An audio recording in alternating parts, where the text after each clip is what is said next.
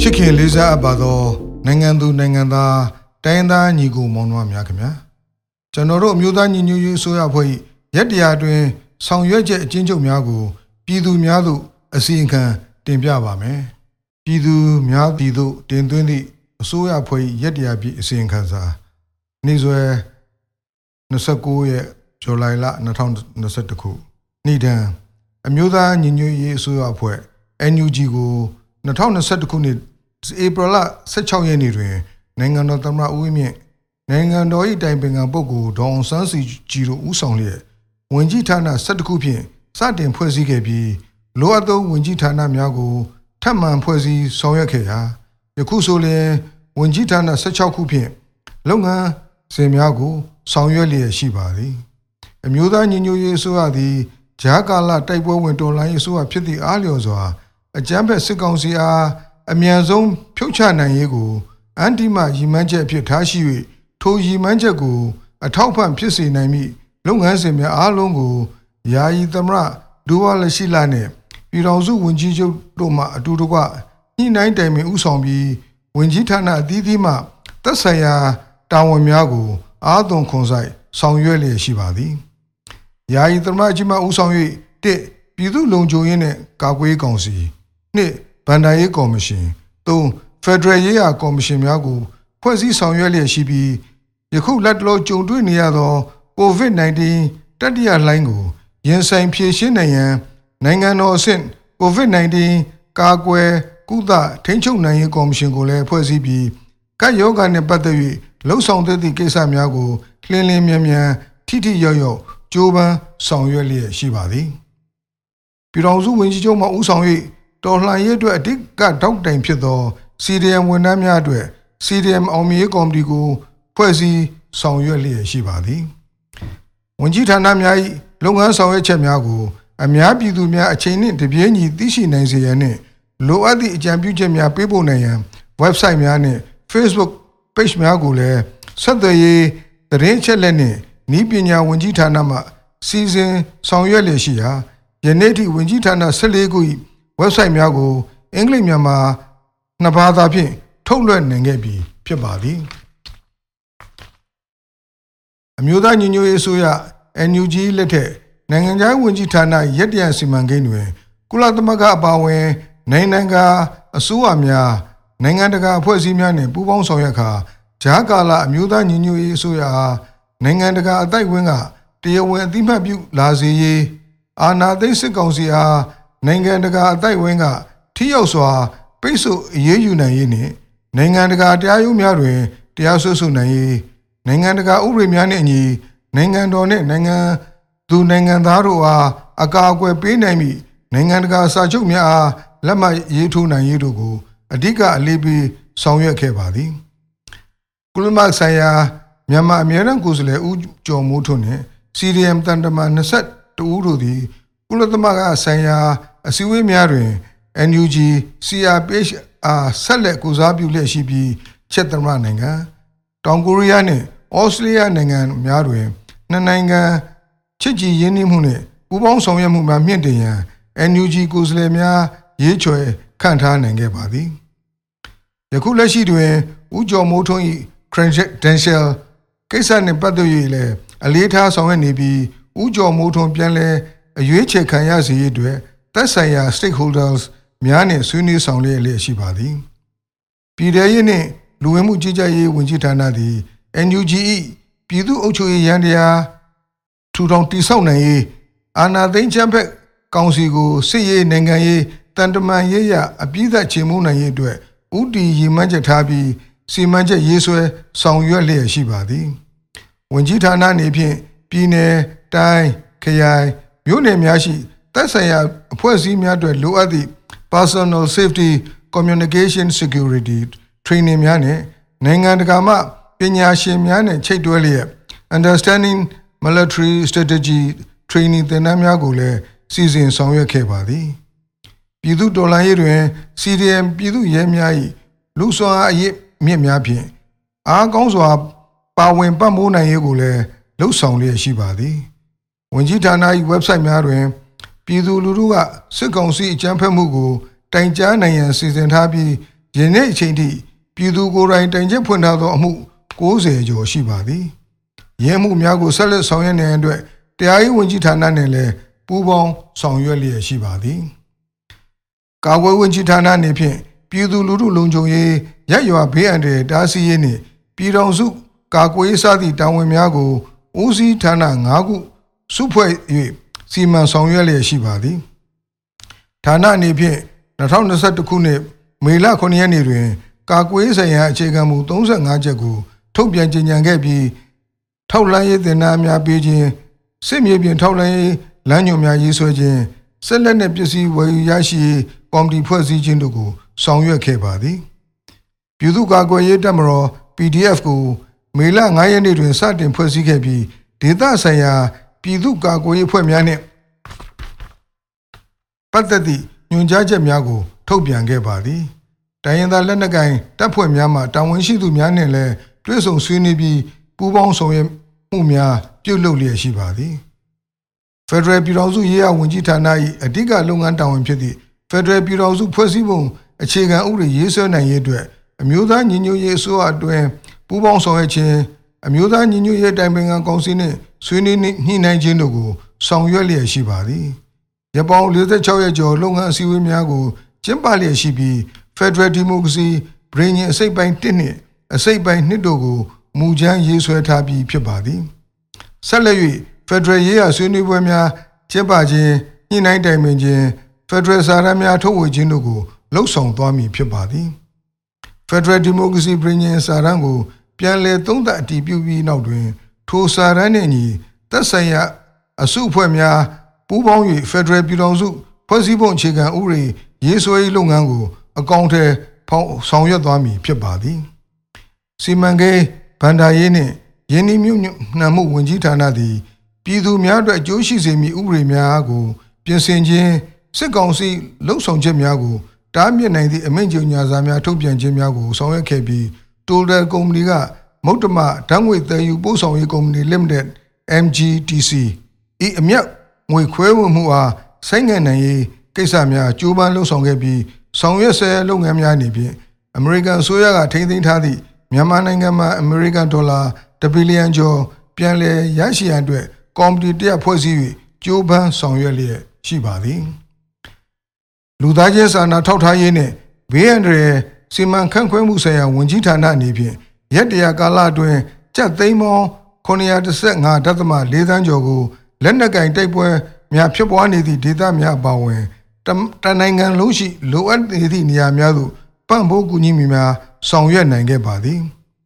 ထို့ပြင်တိုင်းရင်းသားဖွဲ့စည်းများအရက်ဖွဲ့လူဖွဲ့စည်းများလူထုအခြေပြုဖွဲ့စည်းများပြည်တွင်းခြေဆိုင်အစိုးရမှုသောဖွဲ့စည်းများနိုင်ငံတကာရောက်မြန်မာအဖွဲ့များနှင့်တွဲဆုံဆွေးနွေးမှုများပြုလုပ်၍စစ်ကောင်စီဖိနှိပ်မှုကြောင့်ဘေးဒုက္ခရောက်သူပြည်သူလူထုအားထိရောက်စွာပံ့ပိုးကူညီနိုင်ရေးရေးဆွေးနွေးခဲ့ပါသည်စီရီယန်ဝန်ထမ်း669ဦးအတွက် ပံ့ပိုးငွေစုစုပေါင်းကျပ်သိန်း695သိန်းပံ့ပိုးပေးနိုင်ခဲ့ပါသည်အမျိုးသားညီညွတ်ရေးအစိုးရအနေဖြင့်မြန်မာနိုင်ငံအတွင်းဘေးအန္တရာယ်မျိုးရိုးကြောက်ချိန်တွင်ယာယီသမဥဆောင်သော လူသားချင်းစာနာကူညီရေးနှင့်ဘေးအန္တရာယ်တုံ့ပြန်ရေးကော်မရှင်ကို2021ခုဇွန်လလတရက်နေ့တွင်ဖွဲ့စည်းခဲ့ပြီးပြည်သူများကိုထိရောက်သောအကူအညီများလျင်မြန်စွာ ပံ့ပိုးကူညီနိုင်ရေးကိစ္စများအတွက်လုပ်ငန်းအစီအစဉ်များချမှတ်ခဲ့ကြပါသည်အပြည်ပြည်ဆိုင်ရာဥပေါင်းဆောင်ရွက်ရေးဝန်ကြီးဌာနအနေဖြင့်နိုင်ငံတကာမှဥဆောင်ဥရွက်ပြုသူများပညာရှင်များအဖွဲ့အစည်းများနှင့်တွဲဆုံဆွေးနွေး၍အမျိုးသားညီညွတ်ရေးအစိုးရအားတရားဝင်အစိုးရဖြစ်သူအသိမှတ်ပြုနိုင်ရေးကိစ္စများနိုင်ငံတကာမှအာဏာသိမ်းစစ်ကောင်စီပေါ်ဒဏ်ခတ်အရေးယူမှုများပြုလုပ်နိုင်ရေးကိစ္စများအတွက် ကြိုးပမ်းဆောင်ရွက်လျက်ရှိပါသည်။ကျန်းမာရေးဝန်ကြီးဌာနနေဖြင့်ဒေသအသီးသီးရှိကျန်းမာရေးကဏ္ဍတွင်ဥဆောင်ဥရွက်ပြုသူများနှင့်တွေ့ဆုံ၍အနာဂတ်ကျန်းမာရေးစနစ်အားပုံဖော်ရာတွင်အတောက်ကူရရှိစေရန်တွဲဆုံဆွေးနွေးမှုများဆောင်ရွက်ခြင်း Federal ကျန်းမာရေးစနစ်အခြေခံညှိနှိုင်းစည်းဝေးများဆောင်ရွက်ခြင်းလူထုအခြေပြုကျန်းမာရေးစနစ်အားကောင်းစေရန်ဆောင်ရွက်ခြင်းနိုင်ငံတကာမိတ်ဖွဲ့အဖွဲ့အစည်းများနှင့်ချိတ်တွဲဆောင်ရွက်ခြင်းများပြုလုပ်ခဲ့ပါသည် ကမ္ဘာ့ကျန်းမာရေးညီလာခံတွင်လည်းအကြမ်းဖက်စစ်ကောင်စီအားအတိမတ်ပြုမှုမရှိစေရန်ဆောင်ရွက်နိုင်ခဲ့ပါသည်လက်တလောတွင်ကိုဗစ်ထိန်းချုပ်ရေးကော်မရှင်အားဖွဲ့စည်းခဲ့ပြီးထိုမှတစ်ဆင့်လုပ်ငန်းအဖွဲ့ကိုဗစ် task force အားဖွဲ့စည်း၍လိုအပ်ချက်များအလင်းအမြန်ဆောင်ရွက်နေရန်လှုံ့ဆော်လျက်ရှိပါသည်အရေးပေါ်ကျန်းမာရေးဆောင်ရှုပ်မှုလုပ်ငန်းများဆောင်ရွက်နေရန်ဒေသအသီးသီးသို့ကြက်သိန်း2000ကျော်တန်ဖိုးရှိ ဆေးဝါးနှင့်ဆေးပစ္စည်းများဖြန့်ဝေပေးလျက်ရှိပြီး COVID Telegram Channel ၄ခုဖွင့်လှစ်၍ online ကုသမှုပြုလုပ်ပေးခြင်းစီရီယံဝန်ထမ်းများအတွက်တည်သက် COVID Telegram Channel ကိုစတင်ဖွင့်လှစ်ဆွေးနွေးမှုများပြုလုပ်ပေးခြင်း COVID-19 ဘူးတုဒ online center COVID-19 knowledge center Facebook page ဖွင့်လှစ်၍ကျန်းမာရေးအသိပညာများမျှဝေခြင်းများဆောင်ရွက်လျက်ရှိပါသည် ပညာရေးဝန်ကြီးဌာနအနေဖြင့်စစ်ကောင်စီမှပေးသောပညာရေးကိုသမိတ်မောက်ထားသည့်ကျောင်းသားကျောင်းသူများအရေးသွေးရှိသောအခြေခံပညာကိုစင်ဆက်မပြတ်သင်ယူနိုင်ခွင့်ရရှိရေးနှင့်လူတိုင်းကျုံးဝင်ပညာရေးဖော်ဆောင်နိုင်ရေးအတွက်အိမ်တွင်းသင်ကြားရေးပုံစံ home based learning online offline အစီအစဉ်ကိုစီမံဆောင်ရွက်လျက်ရှိပါသည်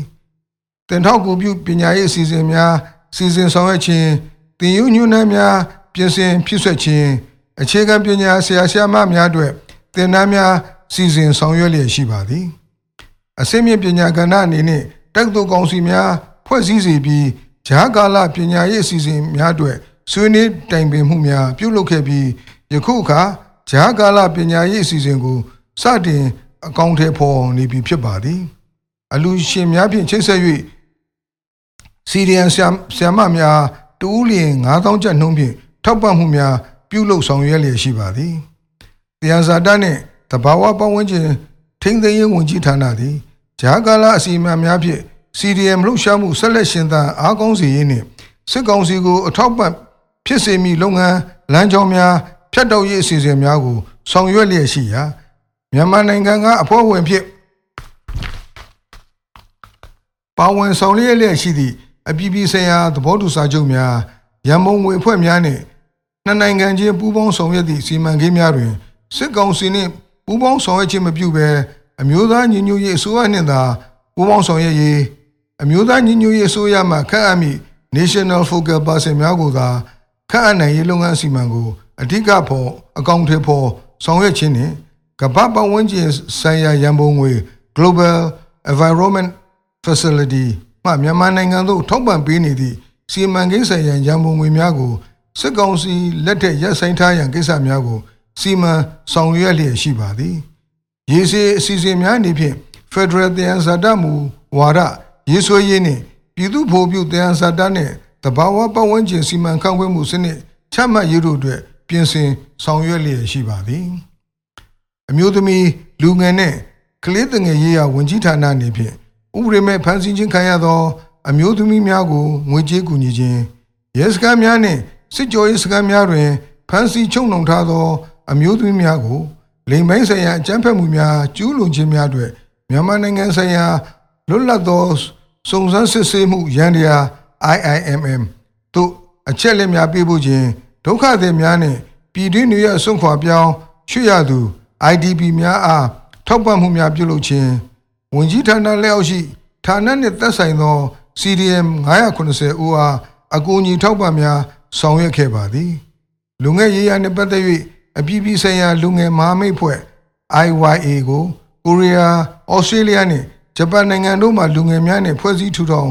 ခဲ့ပြီးအခြားသောနိုင်ငံတကာမှလူငယ်များလည်းပါဝင်လာစေရန်ချဲ့ထွင်လျက်ရှိပါသည်။ဆီယနာသိမ်းမှုစတင်ချိန်မှစ၍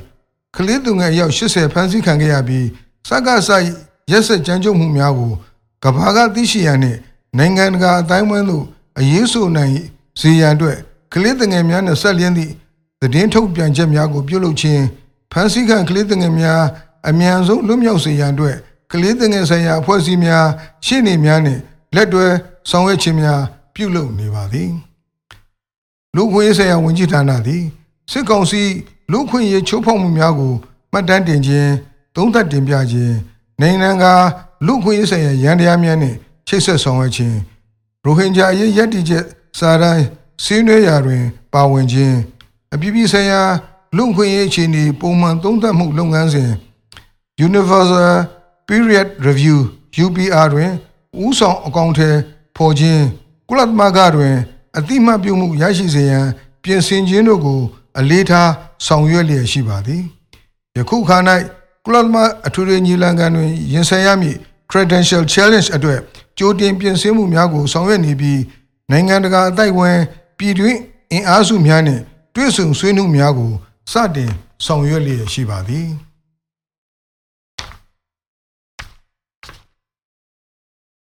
အလုတ်သမားဝန်ကြီးဌာနအနေဖြင့်အပြည်ပြည်ဆိုင်ရာအလုတ်သမားအဖွဲ့၏109ကြိမ်မြောက်အပြည်ပြည်ဆိုင်ရာအလုတ်သမားညီလာခံတွင်အကြံဖက်စစ်ကောင်စီမှပေးပို့သောကိုယ်စားလှယ်ကိုလက်မခံရေးနှင့်မိမိတို့အမျိုးသားညီညွတ်ရေးအစိုးရ၏ကိုယ်စားလှယ်ကိုသာလက်ခံနိုင်ရေး ကြိုးပမ်းဆောင်ရွက်ခြင်းနိုင်ငံတကာမှရွှေ့ပြောင်းအလုတ်သမားအရေးလှုပ်ရှားသူများနှင့်တွေ့ဆုံပြီးရှေ့ဆက်ပူးပေါင်းဆောင်ရွက်နိုင်ရေးကိစ္စများဆွေးနွေးခြင်း CDM လုပ်နေသောအလုတ်သမားဝန်ကြီးဌာနမှဝန်ထမ်းများနှင့်တွေ့ဆုံပြီး၎င်းတို့၏အခက်အခဲများကိုဖြေရှင်းနိုင်ရေးနိုင်ငံတကာအလုပ်သမားဖွဲ့ချုပ်များနှင့်တွေ့ဆုံပြီးအမျိုးသားညီညွတ်ရေးအစိုးရကို ထောက်ခံလာစေရေးအကြမ်းဖက်စစ်ကောင်စီကိုဖိအားပေးနိုင်ရေးကိစ္စများဆောင်ရွက်လျက်ရှိပါသည်တရားစစ်နှင့်စုံဝင်အင်ဝင်ကြီးဌာနအနေဖြင့်တရားစစ်မီတာကကိစ္စရေနံလက်ရက်တွင်းများကိစ္စရေနံထုတ်ယူချက်လုပ်မှုနှင့်ပတ်သက်သည့်အခွန်အကောင့်များကိစ္စသဘာဝတံငွေရောင်းချမှုမှအမြတ်ငွေများကိစ္စနှင့်ပတ်သက်၍အမိန့်ကြော်ညာစာ၄ဆောင်ထုတ်ပြန်ပြီး